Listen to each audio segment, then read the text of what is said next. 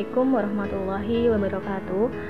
Alhamdulillah Alhamdulillahirabbil alamin. Assalatu wassalamu ala asrofil anbiya'i wal mursalin wa ala alihi wa sahbihi wa man da'a bi da'watihi wa intazama bi tariqatihi wa tarassama khadaqa jalal aqidatan islamiyatan asasan wa fiqatih wa mikisan amali wa mastarani ahkamih. Asyhadu an la ilaha illallah wa asyhadu anna Muhammadan abduhu wa rasuluhu la nabiyya ba'dah Alhamdulillah segala puji syukur senantiasa kita panjatkan kepada Allah Subhanahu wa taala dan sholawat serta salam senantiasa kita curahkan kepada panutan kita yang mana di bulan ini jadi bulan bersejarah lahirnya sosok tauladan yang menjadi rahmat bagi seluruh alam yakni nabi kita Rasul kita Muhammad Shallallahu alaihi wasallam. Alhamdulillah juga nih uh, hari ini aku bisa apa ya ketemu sama teman-teman gitu ya via chat WA dan uh, dalam sesi sharing-sharing pastinya dan alhamdulillah juga hari ini jadi pertemuan ke-6 kita. Masya Allah gimana nih kabarnya teman-teman? Semoga dalam keadaan sehat walafiat diberikan taufik serta kemudahan dalam melakukan kebaikan dan juga tetap istiqomah buat uh, buat ikut kajian ini ya, Dir. Dan pastinya uh, yang pastinya jangan pernah bosen juga buat ngobrol bareng kita-kita Well, di sesi sharing ini, um, insya Allah aku bakalan ngelanjutin dari materi yang sebelumnya. So, siapa nih yang belum ikutan materi sebelumnya? Yang belum ikutan kudu banget nih dengerin audio pekan kemarin. Terus kita lanjutin deh materi ini. Oke, sebelumnya aku mau flashback dulu nih ke jejak-jejak materi pekan lalu, di mana kemarin itu disampaikan tentang rukun iman. So, ada apa aja tuh rukun iman? Ada keimanan kepada Allah, iman kepada malaikat-malaikatnya, iman kepada kitab-kitabnya, iman kepada nabi dan rasulnya, iman kepada hari kiamat, dan iman kepada takdir. Yang namanya rukun itu teman-teman e, ibarat yang bangunan ya. Kalau ada salah satu aja yang bangunannya itu roboh, maka bangunannya bisa cacat. Nah, sama halnya juga dengan keimanan kita. Nggak boleh nih ada salah satu aja yang nggak kita imani. Enam rukun iman itu semuanya itu harus tegak. BTW, uh, eh, kemarin sempat nih disampaikan pertanyaan terakhir dari Kak Eva terkait iman kepada takdir. Masih ingat nggak nih teman-teman? Jadi, kalau kita berbicara iman kepada takdir, berarti artinya iman kepada ketetapannya. Karena takdir adalah catatan atau ilmu Allah yang menyeluruh tentang segala sesuatu. Yang dimaksud dengan segala sesuatu ini itu adalah termasuk benda-benda, manusia, amal perbuatannya dan lain-lain. Semuanya telah tercatat atau diketahui oleh Allah Subhanahu wa taala dan dituliskan di Lauhul Mahfuz. Hal ini juga dijelaskan dalam nas Al-Qur'an uh, di dalam surat Al-Qamar ayat 49. Jadi di ayat itu tuh uh, dikatakan seperti ini. Sesungguhnya kami menciptakan segala sesuatu menurut takdirnya atau ukurannya dalam menafsirkan ayat ini, Imam Asyuyuti mengatakan bahwa kepercayaan yang dipegang oleh ahlu sunnah wal jamaah adalah bahwa Allah subhanahu wa ta'ala telah mentakdirkan segala sesuatu. Artinya gimana? Dia telah mengetahui ukuran, kondisi, peraturan, dan juga waktu uh, jauh sebelum sesuatu itu terjadi. Nah, oleh karena itu, uh, tidak ada sesuatu atau kejadian di langit dan di bumi kecuali seluruhnya itu muncul dari ilmu, kudrah atau kekuasaan dan irodah kehendak Allah Subhanahu wa taala dari penjelasan ini kita akhirnya paham nih teman-teman tentang definisi takdir. Cuman pernah nggak sih teman-teman di sini dengar ada per, uh, ada pertanyaan kayak gini? Jika suat, se, jika segala sesuatu sudah ditetapkan oleh Allah Subhanahu wa taala, baik telah, sedang maupun akan terjadi, lantas untuk apa nih manusia itu beramal? Nah, untuk menjawab ini, pernah nih diceritain dalam syarah Sahih Muslim Imam An Nawawi juz 16 gitu ya bahwa suatu ketika Rasulullah Shallallahu Alaihi Wasallam duduk-duduk bersama para sahabat. Di tangan beliau ada sepotong kayu, lalu dengan kayu tersebut beliau menggores-gores tanah. Lalu Nabi mengangkat kepala dan berkata, setiap kalian yang bernyawa itu sudah ditetapkan tempatnya di jannah dan jahanam. Para sahabat terkejut dong, lalu bertanya, kalau demikian ya Rasulullah, apa gunanya kita beramal? Apakah tidak lebih baik kita bertawakal saja kepada takdirnya? Beliau menjawab, jangan, tetaplah beramal, setiap orang akan dimudahkan oleh Allah jalan yang sudah ditentukan baginya. Lalu Rasulullah membaca surat Al-Lail ayat 5-10. Well, dari sini kita bisa mengambil entry pointnya, teman-teman, bahwa uh, kita nggak boleh nih mencampur adukkan perkara iman kepada takdir dengan amal perbuatan manusia, karena ini dua hal yang berbeda. Maknanya gimana? Ya kita percaya aja sama takdirnya Allah kalau segala sesuatu itu udah diketahui olehnya. Tetapi bukan lantas jadi alasan kita untuk berhenti beramal dan gak mau berupaya. Oke nih, dari sini kadang bikin kita kepikiran. Lantas sebenarnya hidup itu pilihan atau takdir? Life is choice or destiny gitu. Semisal nih contoh kasus kayak gini. Seringkali kita dengar bahwa rizki, jodoh, dan maut itu semuanya sudah digariskan atau ditakdirkan. Nah, terus muncul nih pertanyaan, lah kalau seperti itu gimana dong dengan orang yang mati bunuh diri? Itu uh, atas kehendak siapa? Apakah kehendak atau pilihan manusia tersebut ataukah kehendak Allah? Kalau emang itu adalah kehendak Allah, berarti Allah jahat dong uh, bikin manusia mati bunuh diri. Nah, jadi kan bingung ya kita ngejawabnya seperti apa. Skui deh, sekarang kita bahas tentang kodok dan kodar. Well, jadi istilah tentang kodok dan kodar itu adalah istilah baru teman-teman. Yang kalau teman-teman nyari di nas-nas Al-Quran ataupun Al-Hadis itu nggak ditemuin. Karena ini tuh nggak pernah dibahas di masanya Rasulullah maupun para sahabat. Dan nggak pernah juga ada masalah munculnya pertama kali itu pas masa tabiin tabiut tabiin sekitar abad keempat hijriyah e, ketika banyak ulama-ulama menerjemahkan buku-buku filsafat Yunani ke dalam bahasa Arab jadi setelah kaum muslimin melakukan ekspansi ataupun uh, futuhat di beberapa wilayah sekitar Jazirah Arab, mereka menemukan uh, banyak literatur filsafat yang itu berasal dari Yunani. Nah, dari sini ulama tertantang nih untuk menyelesaikan masalah yang ada dalam kajian filsafat tersebut. Seringkali dari kajian itu ada pertanyaan yang muncul, tapi belum terpecahkan oleh kalangan orang-orang Nasrani. Apa itu? Masalah itu bermula dari pertanyaan, apakah manusia itu dipaksa untuk melakukan atau meninggalkan suatu perbuatan, entah itu baik ataupun buruk, ataukah ia diberi kebebasan memilih nih, gitu.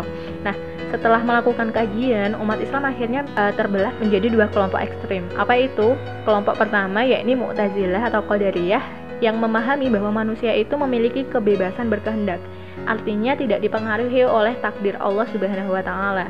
Nah, kalau ini kita pahami, jadinya kita berpikir bahwa Allah itu bukan maha tahu dong. Pengetahuan Allah itu terbatas gitu. Akhirnya manusia jauh lebih hebat dong daripada Allah. Nah, kira-kira ini pemahaman yang benar nggak sih teman-teman? Kan salah ya. Nah, terus ada nih kelompok yang kedua. Gimana tuh? Nah, uh, ada lawannya yakni kelompok Jabariyah yang memahami bahwa manusia tidak memiliki kebebasan yang berarti semuanya itu terjadi atas kehendak Allah Subhanahu wa taala. Nah, tapi coba deh uh, teman-teman kita telaah lebih dalam.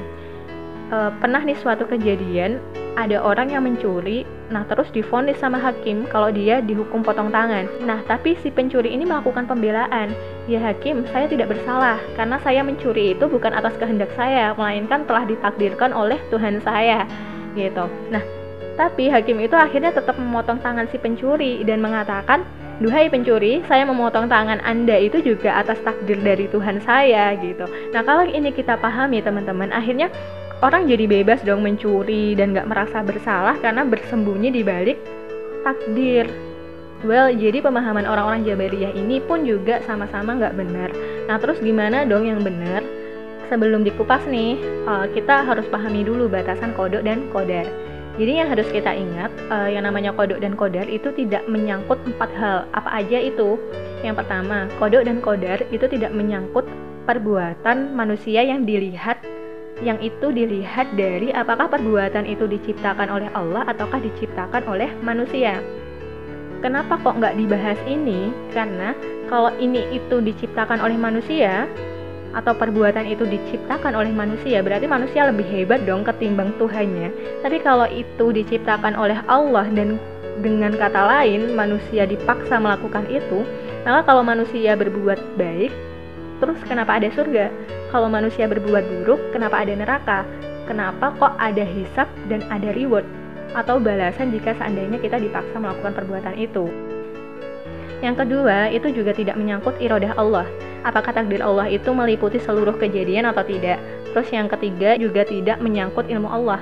Apakah itu mengetahui sebelum, selama, dan sesudah kejadian atau tidak. Dan yang keempat, uh, tidak menyangkut kitab Lauhul Mahfud. Apakah sudah dicatat semua kejadian itu dan nggak mungkin bisa dirubah gitu. Nah, Kenapa kok tidak menyangkut masalah irodah Allah, ilmu Allah, ataupun lauhul mahfud? Karena itu semua itu adalah sifat-sifat atau perbuatan Allah yang nggak kita ketahui seperti apanya, gitu. Kan kita nggak tahu bentuknya lauhul mahfud kayak apa, ilmunya Allah seperti apa, irodahnya Allah bagaimana, gitu. Karena keterbatasan apa? Keterbatasan ilmu dan pengetahuan akal kita terkait hal itu. Sedangkan kalau kita pelajari kemarin sesuatu yang di luar jangkauan pengetahuan akal kita, itu nggak perlu kita pikirkan teman-teman. Nah karena di dalam nas-nas pun juga nggak dijelaskan secara terperinci kapan meninggalnya kita, berapa rezekinya kita, ataupun siapa jodoh kita. Akan tetapi kita cukup uh, meyakini bahwa itu tuh benar adanya dan sudah diketahui maupun ditetapkan oleh Allah Subhanahu wa taala. Nah, terus kalau gitu, apa nih harusnya yang kita bahas? Well, yang harusnya kita bahas adalah fakta tentang hakikat perbuatan manusia dan kejadian-kejadian yang menimpa manusia. Dan itu yang harusnya kita pikirin. Gimana itu? Yang pertama, fakta perbuatan manusia. Kalau kita amati, faktanya bahwa manusia ketika melakukan suatu aktivitas itu ada ranah yang menguasai manusia atau di luar kontrol kita dan ada ranah yang dikuasai manusia atau di bawah kontrolnya kita. Well, uh, kita bedah dulu nih yang di luar kontrol kita. Nah ini ada dua kejadian. Ada yang terkait nizamul wujud atau sunatullah Semisal kita lahir dari ayah dan ibu kita masing-masing. Itu kan kita nggak bisa milih nih siapa ibu kita atau ayah kita. Ya ujuk-ujuk aja udah dilahirin dari ibu dan ayah kita.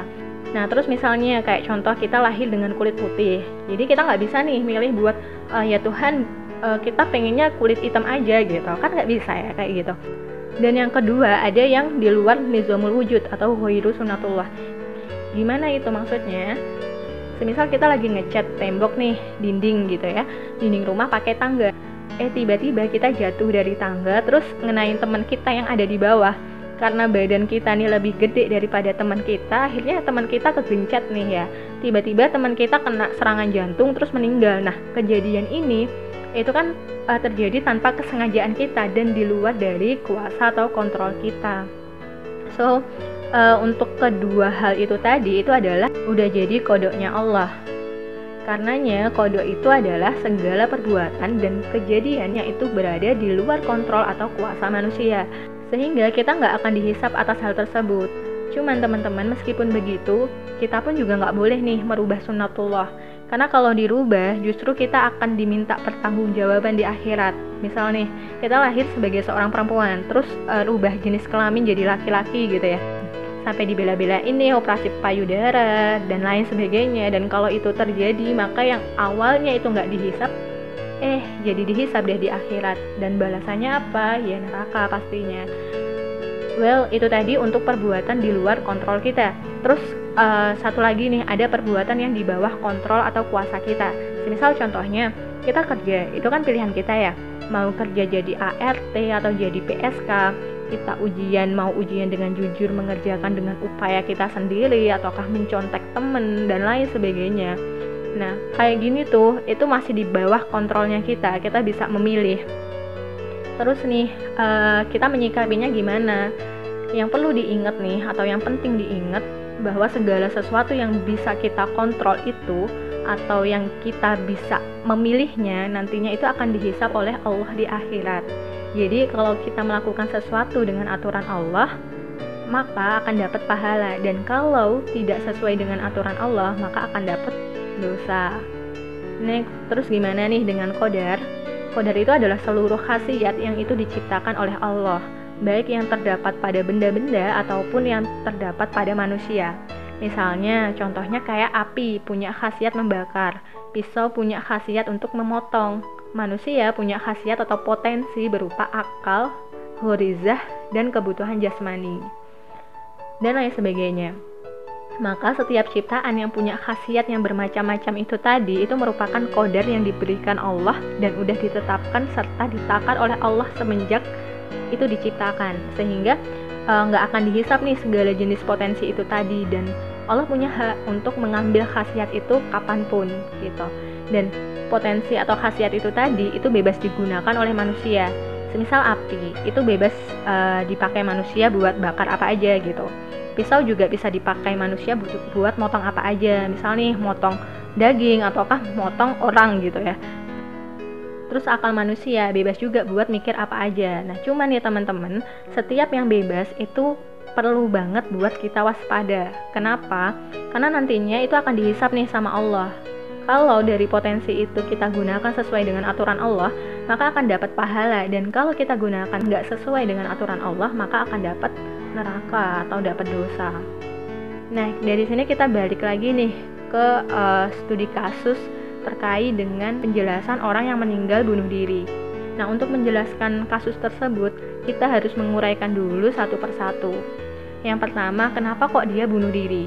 Apa alasannya gitu. Yang kedua, misal nih uh, karena diputus cinta oleh pacarnya sehingga akhirnya hatinya sangat sedih gitu ya yang ketiga terus diputus cinta itu uh, itu merupakan kode Allah. Jadi dia nggak dihisap nih sama Allah gitu. Terus uh, hatinya ngalamin sedih nih. Nah orang yang ngalamin sedih itu kan karena naluriahnya manusia ketika disakiti pasti sedih gitu. Nah itu jadi kodarnya Allah dan nggak dihisap nih sama Allah nantinya. Nah, terus dari hati yang pedih itu dia memiliki kebebasan untuk memilih apakah dia akan bertaubat karena udah melakukan pacaran itu tadi gitu ya ataukah dia justru bunuh diri gitu.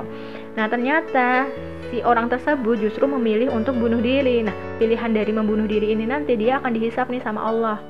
Selanjutnya dengan apa nih uh, dia bunuh diri? dia memiliki kebebasan nih untuk memilih entah itu dia minum racun pakai baygon gitu ya ataukah menusukkan pisau nah racun dan pisau itu punya khasiat punya potensi nah itu masuk ke dalam kategori kodarnya Allah jadi dia nggak akan dihisap nih benda ini tadi terus e, ternyata dia milih pisau nah karena pilihan dia itu tadi akhirnya dia akan dihisap nih sama Allah nah pisau itu punya khasiat khasiat buat apa? Merusak sesuatu gitu. Nah, kalau kayak gitu, khasiat ini sudah ada memang sejak adanya pisau sehingga dia menjadi kodarnya Allah dan dia nggak akan dihisap. Nah, terus seseorang ini paham bahwa uh, menusukkan pisau itu bisa mematikan dirinya. Nah, kalau dia udah paham itu, berarti nantinya uh, dia akan dihisap nih sama Allah. Dan ketika pisau yang dipakai itu menghujam ke dalam dirinya dan dia mati, maka di situ menjadi kodoknya Allah dia meninggal itu menjadi kodenya Allah dan dia nggak akan dihisap. So dari uraian itu tadi bisa kita simpulin nih, karena uh, dia mati dengan proses seperti di atas, maka dia dihisap sebagai orang yang melakukan bunuh diri. Nah bunuh diri itu e, merupakan perbuatan dosa dan akan dihisap dan akan disiksa dalam neraka. So uh, yang namanya ajal itu sudah ditetapkan sama Allah kapan dia meninggal kayak gitu.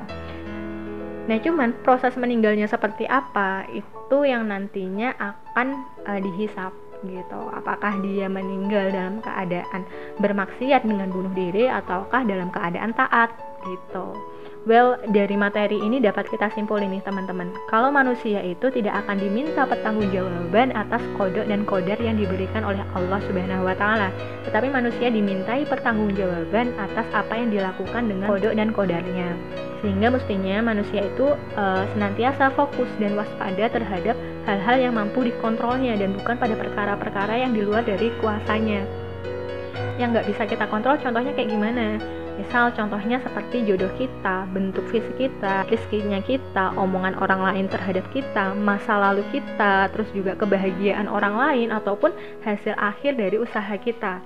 Jadi nggak perlu nih sampai-sampai kita galau atau ngerasa insecure seandainya itu semua nggak sesuai dengan harapan kita. Karena hal-hal itu semua itu nggak akan dihisap oleh Allah Subhanahu Wa Taala. So yang harus kita pikirin adalah pada perkara-perkara yang bisa kita kontrol dan di situlah kita kerahkan usaha yang maksimal karena di wilayah itulah Allah akan menghisap amal kita. Semisal contohnya adalah ikhtiar untuk taat, Sudahkah itu optimal dan totalitas ataukah belum? Usaha kita buat menjadi muslim yang lebih baik, yang uh, punya kepribadian Islam. Terus juga cara kita menyikapi masalah, apakah kita tetap teguh di atas aturannya ataukah justru bertentangan dengan aturannya gitu. Ataukah kita memutuskan untuk tetap melaju ataukah justru memilih untuk menyerah gitu ya. Terus bagaimana kondisi meninggalnya kita? Apakah itu dalam kondisi yang beriman kepada Allah dan bertakwa kepadanya ataukah sebaliknya dan lain sebagainya gitu. Nah, Oke, insya Allah itu yang bisa aku sharingin ke teman-teman hari ini. Segala kebaikan itu datangnya dari Allah Subhanahu wa Ta'ala, sehingga jangan ragu untuk mengambilnya. Dan segala kekurangan serta kekhilafan datangnya dari saya pribadi, sehingga mohon untuk dimaafkan. kalau teman-teman ada pertanyaan bisa disampaikan ke MC akhir kata thanks for all see you next time guys wassalamualaikum warahmatullahi wabarakatuh